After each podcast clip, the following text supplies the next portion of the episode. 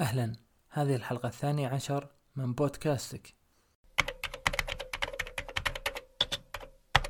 أهلا وسهلا بكم في الحلقة 12 من بودكاستك. آه، أبارك عليكم الشهر وأتمنى بإذن الله أن الله يرزقنا فيه الصيام والقيام وصالح الأعمال. آه، في هذه الحلقة بتكلم عن موضوع آه، سألني عنه الكثير من المتابعين وهو رأيي في عدة أجهزة صدرت عام 2020 فبتكلم في هذه الحلقة باستفاضة نوعا ما عن رأيي الشخصي في الأجهزة التي أعلن عنها في الربع الأول من سنة 2020 وهي تشمل عدة أجهزة سلسلة جالكسي اس 20 من سامسونج هاتف جالكسي جالكسي زي فليب من سامسونج أيضا سلسلة OnePlus 8 من OnePlus سلسلة Find X2 من Oppo وهاتف شاومي Mi 10 Pro هاتف سوني Xperia 1 النسخة الثانية وهاتفين موتورولا اللي أعلن عنهم قبل يومين تقريبا موتورولا Moto Edge وموتورولا Moto Edge Plus يوجد هاتف هواوي P40 P40 Pro و P40 Pro Plus وسلسلة Honor 30 و30 Pro و30 Pro أتوقع Plus أه ولكن أجهزة هواوي والاجهزة التابعة لهواوي لن أتحدث عنها ليس بسبب سوء الأجهزة وإنما بسبب أنني أرى أن ما لها فائدة الكلام عن هذه الأجهزة بسبب عدم امتلاكها لخدمات جوجل. فبالتالي حتى لو كان الجهاز جهاز ممتاز لن أقوم بترشيحه لأحد ولن أحث أحد على شرائه بالعكس بحذر الناس من شراء هذه الأجهزة. فبالتالي ليس هناك أي فائدة من ذكري لرأيي في هذه الأجهزة. فلن أتكلم عنها. أول جهاز أريد أن أتحدث عنه اليوم هو آه، سلسلة جالكسي S20 اللي تشمل ثلاث أجهزة جالكسي S20 وجالكسي S20 Plus وجالكسي S20 Ultra سلسلة سامسونج اللي تعلن عنها في بداية السنة في شهر ثلاثة من كل سنة سلسلة ال S تعتبر من أهم آه الأجهزة عند سامسونج لسبب ليس لذاتها بكونها flagship مثلا فهناك أيضا سلسلة ال Note flagship ولكن كونها تحدد معالم الطريق لسنة جديدة لسامسونج. فغالبا ما تكون أجهزة سامسونج آه الخاصة بسلسلة S تقريبا الهيكل حق ال Note مع زيادة قلم. فلو لاحظنا مثلا جالكسي S10 اللي هو السنة الماضية و S10 Plus جاء ال Note بتصميم مختلف ولكن أغلب المواصفات الداخلية من ناحية ال hardware وأيضا ال software كانت مشابهة جدا لل S10 وأيضا ال S9 وال Note 9 نفس الشكل.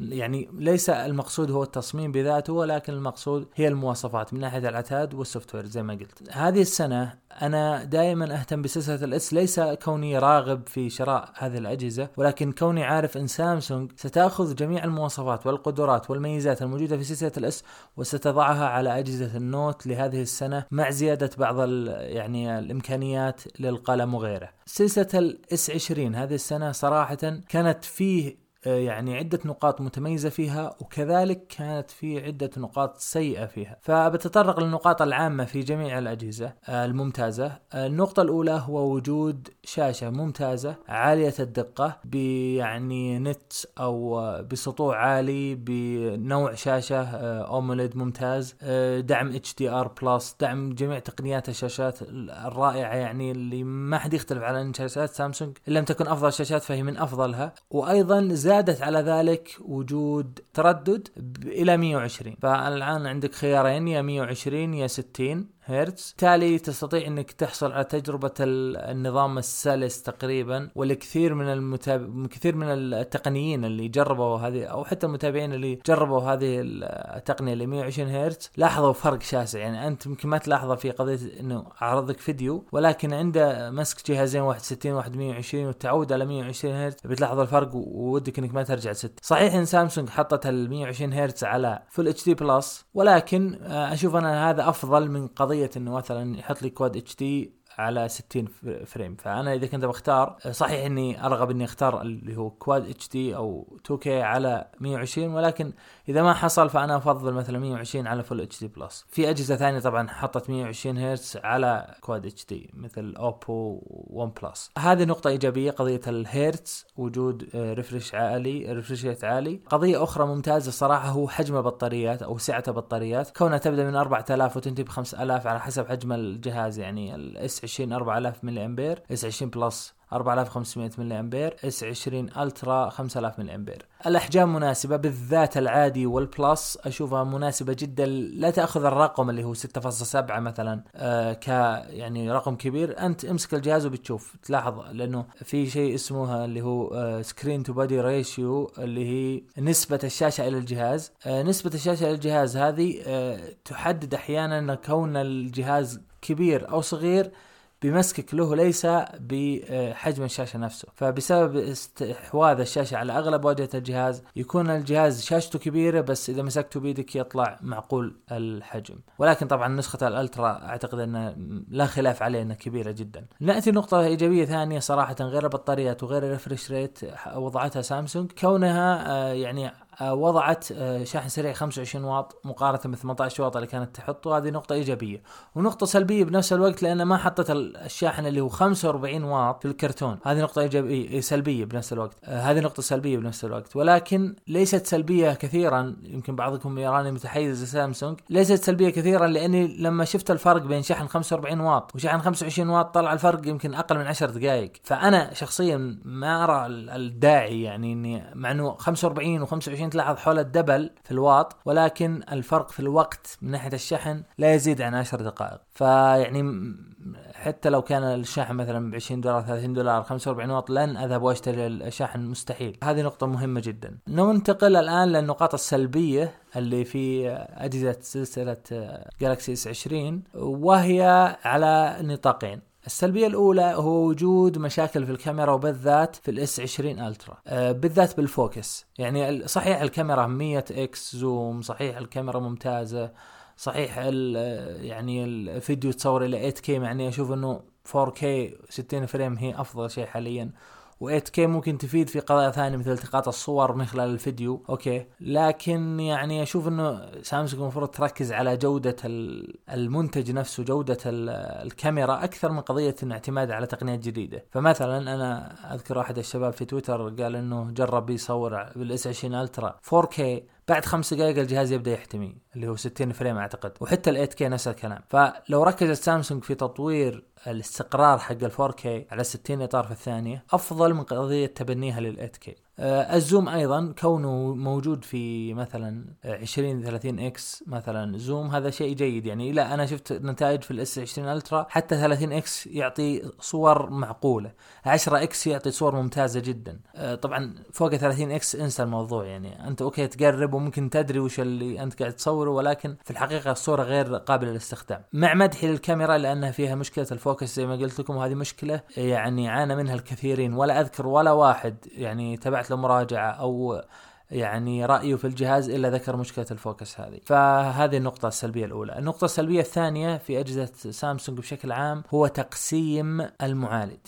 الآن أغلب دول العالم تعمل بمعالج Exynos الخاص بسامسونج لهذا السنة وأمريكا والصين وكوريا الجنوبية تعمل بمعالج Snapdragon 865 هذه أول مرة في تاريخ سامسونج تضع معالج Snapdragon 865 رسميا في كوريا في البلد الأم للشركة. وهذا ما جعل كثير من المهندسين التابعين لسامسونج يغضبون ويعتبرونه إهانة للشركة كونك في بلد الأم للشركة وضعت معالج آه، غير معالج الشركة وهذا بسبب وجود فروقات ليست بالقليلة بين معالج ال Exynos وبين معالج Snapdragon. لذلك أنا أنصح أي شخص يريد شراء سلسلة S20 بشكل عام أي جهاز منها إنه يشتري نسخة Snapdragon. صحيح إنه ممكن يستغني عن قضية الشريحتين مثلا ولكن في المقابل سيحصل على تجربة أكثر استقرارا آه، جهاز أقل حرارة. آه، أيضا الكاميرا في مقارنات معينة يعني ليست الفرق شاسع ولكن في فرق بسيط. فهذه المشكلتين الأساسيتين اللي آه، أعتقد إنه جهاز أو سلسلة إس 20 يعني كانت كاملة لولا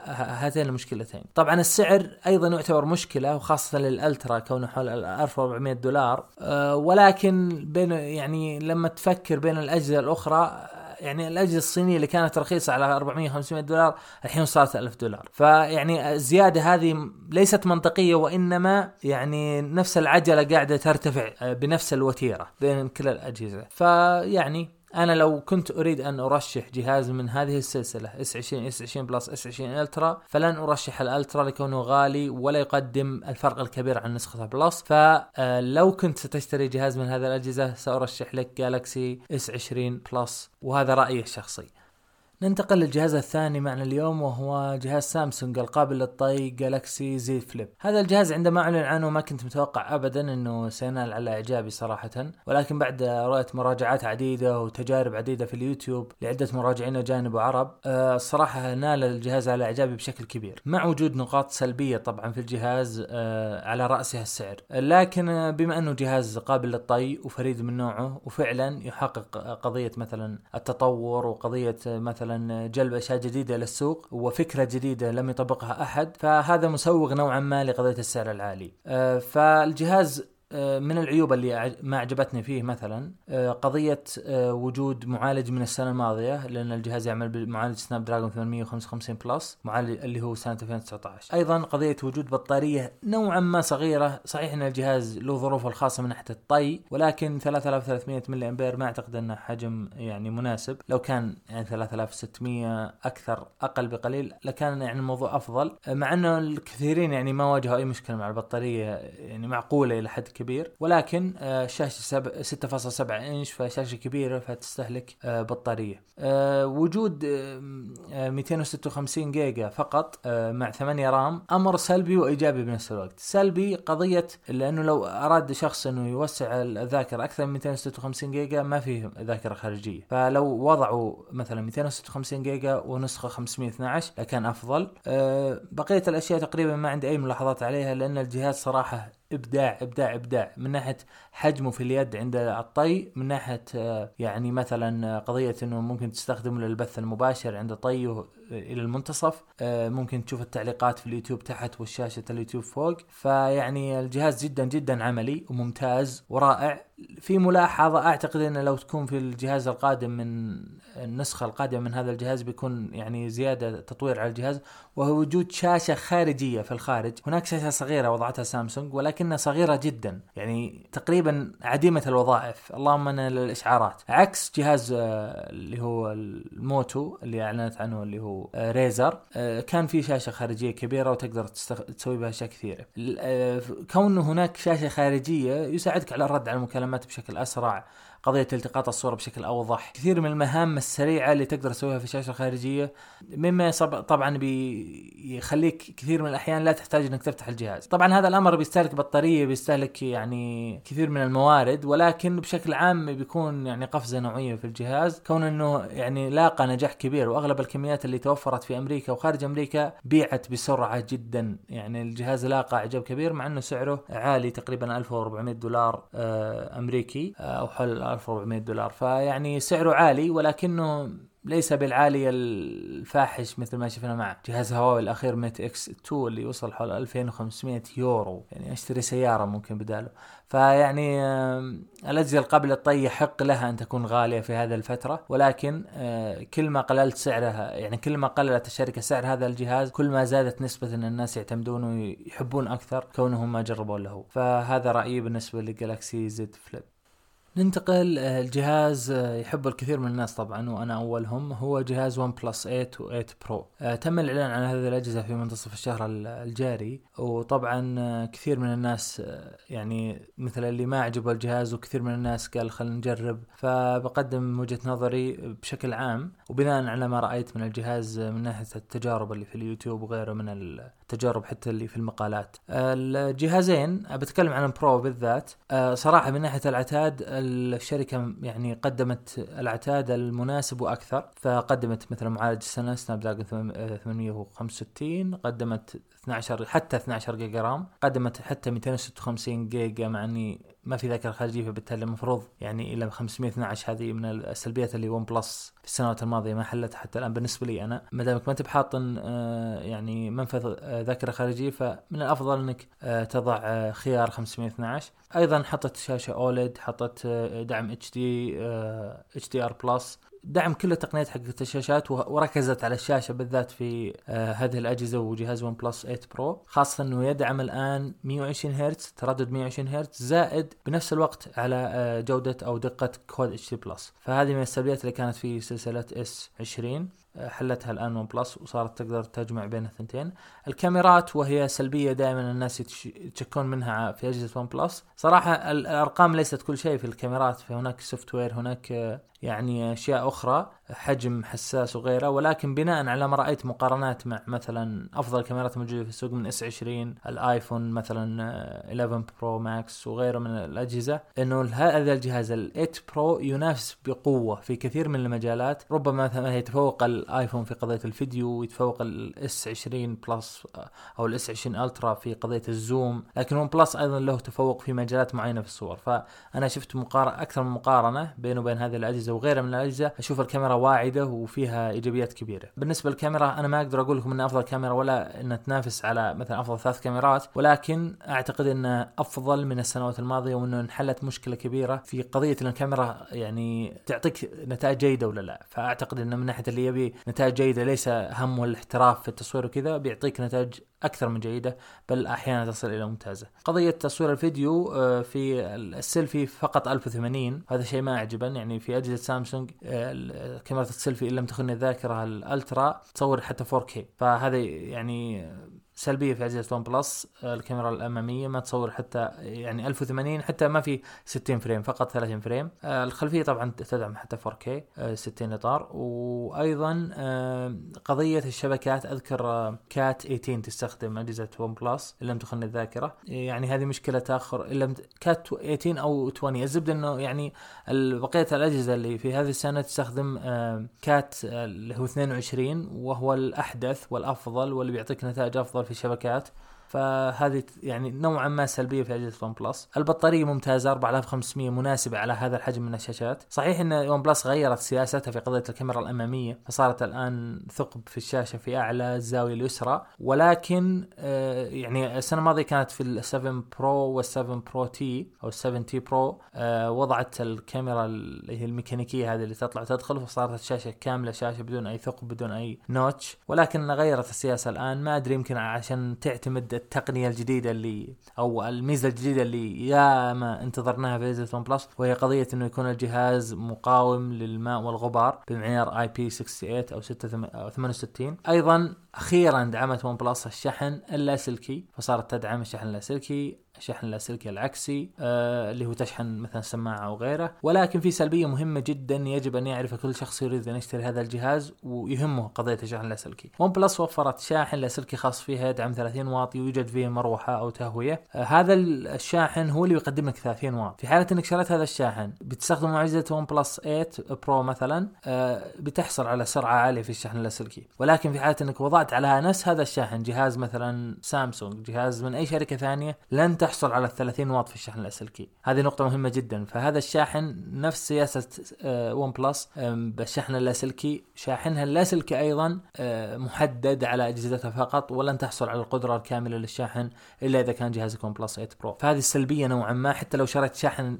لاسلكي آخر بقوة 20 30 مثلا واط أو مثلا شاومي عندها شواحن ثانية أيضا جهاز OnePlus لن يشحن بتلك السرعة أو بقدرة ذلك الشاحن. فهذه السلبية للشحن اللاسلكي ولكنها ميزة موجودة الآن. فلو وضعت جهاز OnePlus 8 Pro على أي شاحن لاسلكي ستحصل أتوقع على 10 واط. يعني إيجابية وسلبية بنفس الوقت آه، أنا شخصيا ما يهمني كثير الشحن اللاسلكي ولكن أرى أنه في حالة تطوره إلى آه، واط عالي وكان يعمل على أغلب الأجهزة هنا بيكون فارق. فيكون في قاعدة عندك بالمكتب مثلا ب 40 واط أو 30 واط. بالتالي أنت وصلت إلى سرعات مقاربة جدا لسرعة الشحن. السلكي نفسه. فليش اشحن أنا أصلا بسلك؟ أشحن لاسلكي أفضل لي. فهذه وجهة نظري. آه بالنسبة للسعر وهو كثير من الناس يشتكى منه وأنا أرى السعر صراحة مناسب إلى حد كبير. ليس مناسب بذاته وإنما آه بسبب وجود آه، فارق في الأسعار بين السوق الهندي والسوق الأمريكي والسوق حتى الإماراتي. السوق الإماراتي بالمناسبة آه، اللي هو تواجد أتوقع في متجر نون للطلب المسبق مع في ألوان ما حتى الآن ما ظهرت مثل اللون الأزرق لل OnePlus 8 Pro مو موجود واللون اللي هو متموج هذا المتوهج جميل جدا آه، اللي هو لل OnePlus 8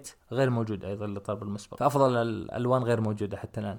بالنسبة لأسعار السوق الإماراتي عند نون هي بين السوق الأمريكي وبين السوق الهندي. أعلى من السوق الهندي وأقل من السوق الأمريكي. السوق الهندي يعتبر الارخص على الإطلاق. في أمريكا عشان نقارن بس في أمريكا الجهاز ال OnePlus 8 Pro يبدأ من 799 دولار اللي هو 800 دولار. هذه اللي نسخه ال 8 جيجا RAM و 128 جيجا. في الهند آه هذا هذه ال بالنسبة لهذه الفئة اللي 8 جيجا و128 تبدأ أتوقع من 720 دولار والنسخة ال 12 RAM و256 أيضا ب 785 دولار. فتقدر أنت تاخذ جهاز ال OnePlus 8 Pro نسخة 12 RAM و256 بسعر معقول أقل من 800 دولار. وهذا سعر جدا ممتاز. آه أنت في أمريكا تاخذ نسخة اللي هو 8 جيجا و128 ب 800 دولار. بينما هنا تاخذ النسخة العليا بأقل من 800 دولار في الهند. فيعني هذا السعر سعر الهند لو كان هو السعر الرسمي في العالم ما أعتقد كان في شكوى ابدا على السعر لأنه حتى ال OnePlus 7 Pro وال 7T Pro السنة الماضية وصلت أسعاره إلى 750 780 700 أقل أكثر على حسب نسخة ال 5 G من غيره. وهذا أيضا يجيبنا لنقطة ثانية إيجابية جدا في اجهزه OnePlus الجديدة. هو قضية إن كل الاجهزه OnePlus 8 8 Pro كل النسخ هي تدعم ال 5 G وهذه نقطة مهمة جدا جدا لأنه كثير من الأجهزة مثل حتى Samsung ال S 20 وال S 20 Plus ليست كل النسخ تدعم ال 5 G وإنما ال Ultra فقط جميع النسخ تدعم ال 5 G فهذه نقطة جدا ممتازة من OnePlus وتشكر عليها وأيضا مسوغ نوعا ما لرفع السعر القليل اللي أنا أشوف السعر يعني السعر بالمتجر الهندي جدا جدا معقول مناسب جدا وحتى شبكاته تناسب الشرق الأوسط ومنطقة الخليج. يعني صراحة من ناحية السعر في المتجر الهندي أشوفه جدا أه تقريبا هذه كل الأشياء اللي عندي OnePlus في سلبية قضيه وجود الفروقات بين OnePlus 8 Pro و OnePlus العادي ولكن أنا شخصيا ال OnePlus 8 أشوفه خيار. صح إنه يبدأ من بالمتجر الهندي مثلا بحوالي 600 دولار يبدأ ال OnePlus 8 العادي نسخة 8 RAM 128 آه، وينتهي تقريبا 650 دولار. وهو سعر مغري جدا لجهاز OnePlus مثلا تأخذه ب 580 دولار النسخه الدنيا. ولكن في سلبيات مثل عدم وجود 120 هرتز إنما 90 هرتز عدم دعم الشحن اللاسلكي وأيضا في مواصفات أقل ليست المعالج وإنما يعني مواصفات أقل. في كلام طبعا إنه بيطلع نسخة من OnePlus 8 نفسها هذه بيسمونها Lite أو غيره من الأسماء أو E أو أي اسم ثاني تكون بمعالج 765 آه، اللي هو 5 G آه، أتوقع إنه معالج من يعني الفئة العليا المتوسطة زي ما نقول. يعني معالج بين الفئة المتوسطة وبين الفئة العليا من Snapdragon معالج ممتاز جدا ولكن أتوقع هدف OnePlus من هذا الجهاز إذا أصدرته إنه يكون بسعر جدا منخفض. مثلا ممكن تحطه ب 450 دولار أو 400 دولار أو مثلا أقل. فبيكون جدا منافس على software OnePlus الممتاز. آه، آسف على الاطاله بالنسبة ل OnePlus بس هذا كان تقريبا كل آه، ما عندي عن هذه الشركة وهذه الأجهزة. ننتقل للجهاز اللي بعده. ننتقل للجهاز اللي بعده وهو جهاز Oppo Find X 2 Pro طبعا الجهاز هذا هو شقيق OnePlus اللي تكلمنا عنه قبل قليل OnePlus 8 Pro في تقريبا نسبة 80 90% من المواصفات نفسها بالضبط. في فروقات معينة بتحدث عنها وعشان ما أطول عليكم بس. الفروقات آه كالتالي. طبعا المعالج آه ال RAM الأشياء تقريبا أغلب المواصفات نفسها زي ما قلت لكم. قضية الشاشة من ناحية التردد والجودة آه أيضا تدمج بين 120 هرتز و Quad HD فهذه نقطة إيجابية. وجود نسخة واحدة فقط من الجهاز اللي 256 جيجا. لا وأيضا آسف موجوده نسخة ال 512 في 512 و12 جيجا RAM. آه يعني ال RAM موحد نفس العدد ولكن الذاكرة فيه 256 وفي 512 لا يوجد أيضا منفذ الذاكره الخارجي فهذه تقريبا Oppo حلت مشكلة ال OnePlus اللي تحدثت عنها قبل قليل في مشكلة الكاميرات مشابهة جدا. حتى نفس مشكلة الكاميرا الأمامية اللي هو 1080 في 30 إطار في الثانية. تقريبا أغلب المواصفات نفسها في نقطتين بس. قضية سعه البطاريه أقل من ال OnePlus قليلا 4260 ملي أمبير بينما ال OnePlus أعتقد 4500 ان لم تخني الذاكرة. هذه 4260 ملي أمبير فيعني في فرق قليلا. ولكن هذا الفرق يتعوض في قضية أخرى اللي هي آه، سرعة الشحن في أجهزة آه، أوبو فهي تقريبا أسرع شواحن موجودة على الكرة الأرضية حاليا. في شحن اسمه SuperVOOC 2.0 واللي يشحن لك بقدرة 65 واط آه، اللي هو من 0 ل 100 خلال 38 دقيقة. أجهزة OnePlus سريعة ولكن أعتقد أنها تصل حول الساعة 50 دقيقة في هذه طبعا الحدود. آه، النقطة السلبية اللي في أجهزة أوبو آه، طبعا في اختلاف بالتصميم من الخلف بين الجهازين اللي هو OnePlus 8 Pro وأوبو Find X2 Pro ولكن آه، أغلب المواصفات زي ما قلت لكم نفسه. السلبية الكبرى في هذا الجهاز غير قضية الواجهة وأنه OnePlus تتفوق في ال software على أوبو مع أنها شقيقتها ولكن قضية السعر. يعني الجهاز هذا الأوبو Find X2 Pro تقريبا ب 1200 دولار. يعني سعره عالي جدا. أقدر أنا أخذ ال 8 Pro من OnePlus وأوفر 400 دولار ولا أخذ هذا الجهاز. وبينما أغلب المواصفات تقريبا حسب رؤيتي انه ما في أي فرق بينه وبين ال 8 Pro حتى يعني مقاومة الغبار نفسه والماء والغبار وكل الأشياء اللي تقريبا المواصفات متطابقة. الفرق هو شعار الشركة والتصميم من الخلف وزي ما قلت قلت سعه البطاريه وسرعة الشحن. بس هذا كان كل شيء كان كل شيء عن أجهزة اوبو Find X2 Pro ننتقل للجهاز اللي بعده. بنتحدث الآن عن جهاز آه، شاومي اللي هو مي 10 برو 5G وهو جهاز صراحة ممتاز وسيء بنفس الوقت لأنه في نقاط إيجابية فيه وفي نقاط سلبية كبيرة جدا. على رأسها أيضا السعر. كون الجهاز تقريبا 950 دولار. فهذا سعر جدا عالي مقارنة بأجهزة شاومي السنوات الماضية. فشاومي معروف عنها طبعا أن تقدم عتاد عالي وأجهزة ممتازة جدا بأسعار معقولة نوعا ما. ولكن هذا السعر الجهاز تقريبا حول الألف دولار. يعني كونك مع الكبار لازم تقدم جهاز شبه كامل أو قليل العيوب على الأقل. الجهاز طبعا يحمل أحدث معالج اللي هو Snapdragon 865 ويحمل أيضا 8 جيجا RAM أو 12 جيجا رام. يحمل بطارية 4500 ملي أمبير. يحمل نفس آه اللي هو حساس الكاميرا اللي في ال S20 Ultra اللي هو 108 ميجا بكسل آه الجهاز يصور آه، طبعا 8K و 4K وكل الأشياء اللي نفس اللي في الكاميرا تقريبا الموجودة على ال S20 Ultra آه، لكن فيه نقاط سلبية في الجهاز آه، صراحة أنا مستغرب آه، يعني مثلا وجود Gorilla Glass 5 أغلب الأجهزة هذه السنة Gorilla Glass 6 و Gorilla Glass 5 يعتبر قديم نوعا ما. ليش تحطوا على جهاز جديد وغالي أيضا؟ قضية وجود ال brightness nit اللي هي نسبة السطوع أو الإضاءة 500 nits يعتبر ضعيف جدا. يعني يعني أتوقع أن إنه اللي بيمتلكون الجهاز هذا بيواجهون مشكلة عند الخروج من المنزل خاصة في وجود إضاءة إضاءة شمس قوية. يعني في أجهزة مثل اوبو اللي تحدثنا عنها قبل شوي 800 nits. في أغلب الأجهزة اللي أعرفها ممتازة جدا مثل أجهزة سامسونج وغيره أحيانا تفوق ال 1000 nits وهذا رقم جدا عالي. فيعني وجود مثل هذا الرقم 500 nits يعتبر ضعيف. عدم وجود ذاكرة خارجية أمر مسوغ كون الجهاز يعني يبدأ ب 256 8 RAM وينتهي ب 512 12 RAM. فعندك ثلاث خيارات 256 8 RAM 256 12 RAM 512 12 RAM. طبعا الذاكره UFS 3.0 الكاميرا زي ما قلت لكم مشابهه جدا لل S20 Ultra. آه نفس مشكلة OnePlus من ناحية الكاميرا الأمامية كونها 20 ميجا بكسل تصور حتى 1080 30 إطار في الثانية. بقية المواصفات تقريبا أغلب الأجهزة نفسها يعني كونه بلوتوث 5.0 وغيره غيره من الاشياء البطارية 4500 أمبير 4500 ملي أمبير. تدعم الشحن 50 واط. آه، شحن سلكي و30 واط شحن لاسلكي وأيضا reverse charging اللي هو الشحن اللاسلكي العكسي 5 واط. فهذا أمر يعني معقول جدا. ولكن أنا شخصيا اللي الشيء اللي ما عجبني في الجهاز أو اللي خلاني يعني أرجح إنه ما أنصح فيه أحد غير قضية وجود واجهة شاومي اللي هي MIUI 11 على أندرويد 10 غير النقطة هذه قضية إنه أجهزة أيضا شاومي غير موجودة عندنا وكثير منها نسخ صينية مثلا. تدور على النسخة العالمية وتجيب عندنا وتشوف قضية يعني إنك أنت متعود على واجهه شاومي ولا لا. ففي نقاط ثانية غير العيوب اللي تكلمت عنها. فيعني العيوب هذه أكدت على موضوع إني مستحيل أنصح أحد في هذا الجهاز. كونه غالي وكونه يحتوي على هذه العيوب وفي بدائل أفضل منه كثير. ابرزها OnePlus مثلا. هذا كان كل شيء عن جهاز شاومي Mi 10 Pro 5G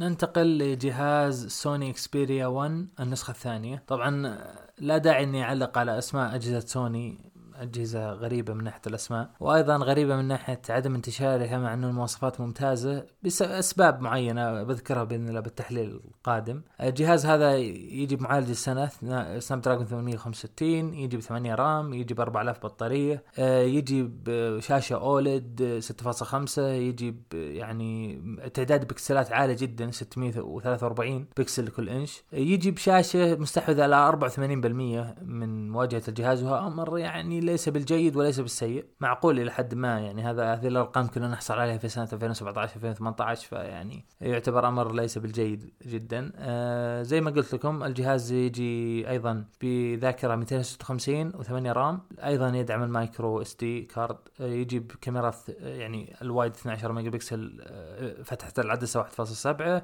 ال telephoto تقريبا يدعم إلى 3X zoom آه أيضا في واي ultra wide اللي هي زاويه عريضة جدا 12 ميجا بكسل وفي أيضا اللي هو حساس ال depth أو العمق. آه طبعا سوني أيضا تدعم تصوير ال 4K حتى 60 إطار في الثانية هذا أمر جيد. فيها EIS اللي هو مثبت الصورة البصري وفيها مثبت الصورة الإلكتروني ال OIS وال EIS الكاميرا الاماميه زي مشكلة OnePlus واوبو قضيه وجود 1080 30 إطار آه 8 ميجا بكسل يعني الكاميرا بغض النظر عن عدد الميجا بكسل ولكن يعني يعني المفروض أن الكاميرا الاماميه تدعم أقل شيء 2K مثلا إلى 4K كون هذا الشيء موجود على أجهزة منافسة ليش ما تحطه أنت يعني؟ هذه النقطة آه، مثلا من الإيجابيات الموجودة في هذا الجهاز وجود منفذ 3.5 ملم حق السماعات. يعني بقية المواصفات تقريبا نفس الاجهزه الأخرى قضية البصمة البصمة ليست على الشاشه مثل أغلب الأجهزة الموجودة حاليا مثل ال S20 مثل الاوبو مثل الون بلس وغيره. البصمة موجودة على الجانب. طبعا هذه سلبية وإيجابية. في بعض الناس يقول أنا ما حبيت أصلا قضية البصمة على الشاشة فأفضل الجانب أسرع وأكثر توثيقا يعني. وفي ناس يقول لك لا أصلا على الجانب غير عملي. فيعني حسب الرغبة الإنسان ورؤيته للموضوع. فقط البطارية 4000 شاحن أو شحن سريع 21 واط يعني. 21 واط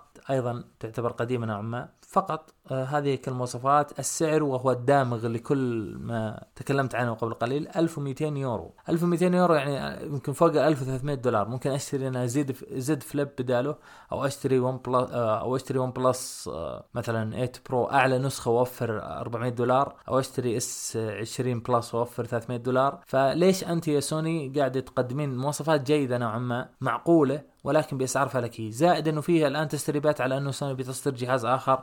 من الفئة العليا ب Snapdragon 865 قريبا يعني بعد يمكن شهر أو شهرين أو ثلاثة. فيعني أنت سوني غريبة في التسويق في الانتشار في قضية أيضا تبني آه، إرسال الجهاز إلى المراجعين لمراجعة الأجهزة واختبارها و...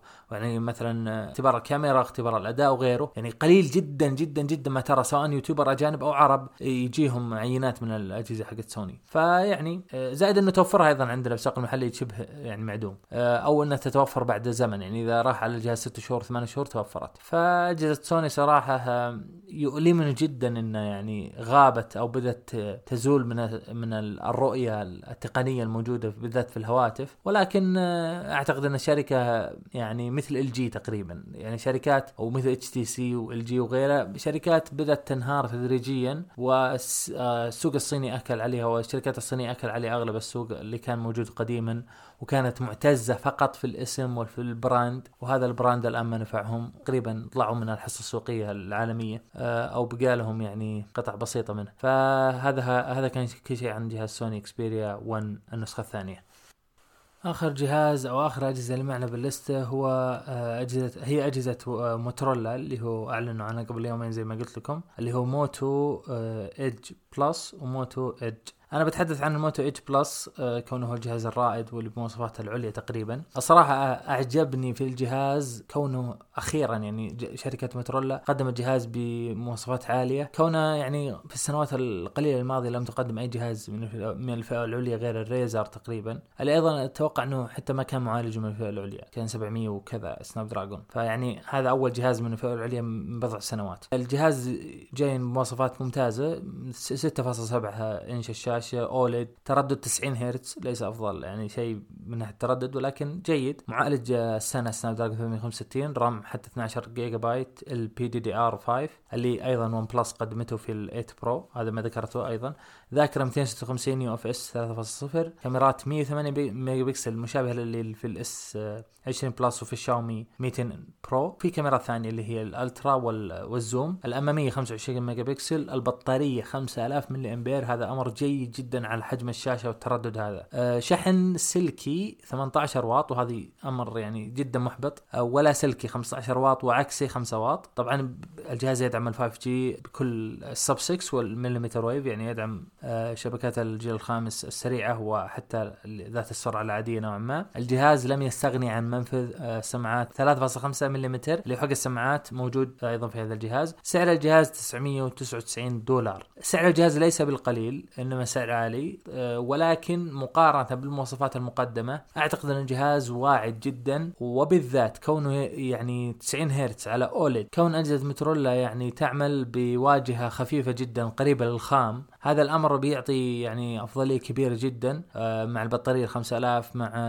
يعني 90 هرتز. أعتقد أعتقد إن الجهاز هذا بيكون من أفضل بطاريات الأجهزة الموجودة حاليا. سعره ليس بالقليل ولكن أنا كنت في البداية أعتقد إنه بيتوفر فقط على شبكة فرايزن في أمريكا ولكنه اتضح إنه بيكون هناك أيضا البيع للجهاز في الإمارات في الهند في غيره الأسواق الأوروبية. فهذا أمر إيجابي وأيضا يعني أعتقد إن الجهاز جدا جدا جدا واعد. مع إنه ليس أفضل مواصفات في السوق يعني ولكن أتمنى إنه يكون بالذات من ناحية البطارية وقوة البطارية آه، يعني جدا جدا ممتاز. آه، هذه كانت كل الأجهزة اللي معنا اليوم، طبعا فقط آه، أنوه على قضية إنه ترى الجهاز الآخر اللي هو اللي هو Moto Edge بدون Plus لم يأتي بالمعالج نفسه، أتى بمعالج Snapdragon 765 و4 RAM و128 وكاميرات 64 ميجا بكسل و25 ميجا بكسل اماميه و4500 ملي امبير بالنسبة للبطارية. ودعم أيضا شحن 18 واط وال 5G ومنفذ 3.5 ملم وشاشة OLED Full HD بنفس الحجم بنفس التردد. فيعني الجهاز اللي هو البدون Plus أتى بمواصفات أقل بالذات من ناحية ال RAM والمعالج ولكن سعره تقريبا 600 وكذا دولار. فيعني فرق 400 دولار تقريبا عن نسخة Plus. ولكن Plus هي الأكمل هي الأفضل هي اللي فيها تقريبا المواصفات العليا. آه زي ما قلت لكم هذا تقريبا كان كل شيء عن أجهزة موتورولا وهذا كان تقريبا ملخص الربع الأول من عام 2020 آه ووجهة نظري في الأجهزة التي أعلن عنها في هذا الربع. أتمنى أني ما أطلت عليكم. الحلقة اليوم شوي طويلة. أي سؤال أو استفسار عن الأجهزة عن يعني آه عن أي شيء آخر سواء في الأجهزة أو حتى تطبيقات حلول حياكم الله على حسابي في تويتر اللي هو M H D 4 اللي هو 4 بعدين تي اي سي اتش بتجدون جميع روابط حساباتي سواء للبودكاست أو حتى حسابي التقني آه، أسفل الفيديو. آه، استودعكم الله ونلتقي إن شاء الله في حلقات قادمة. السلام عليكم.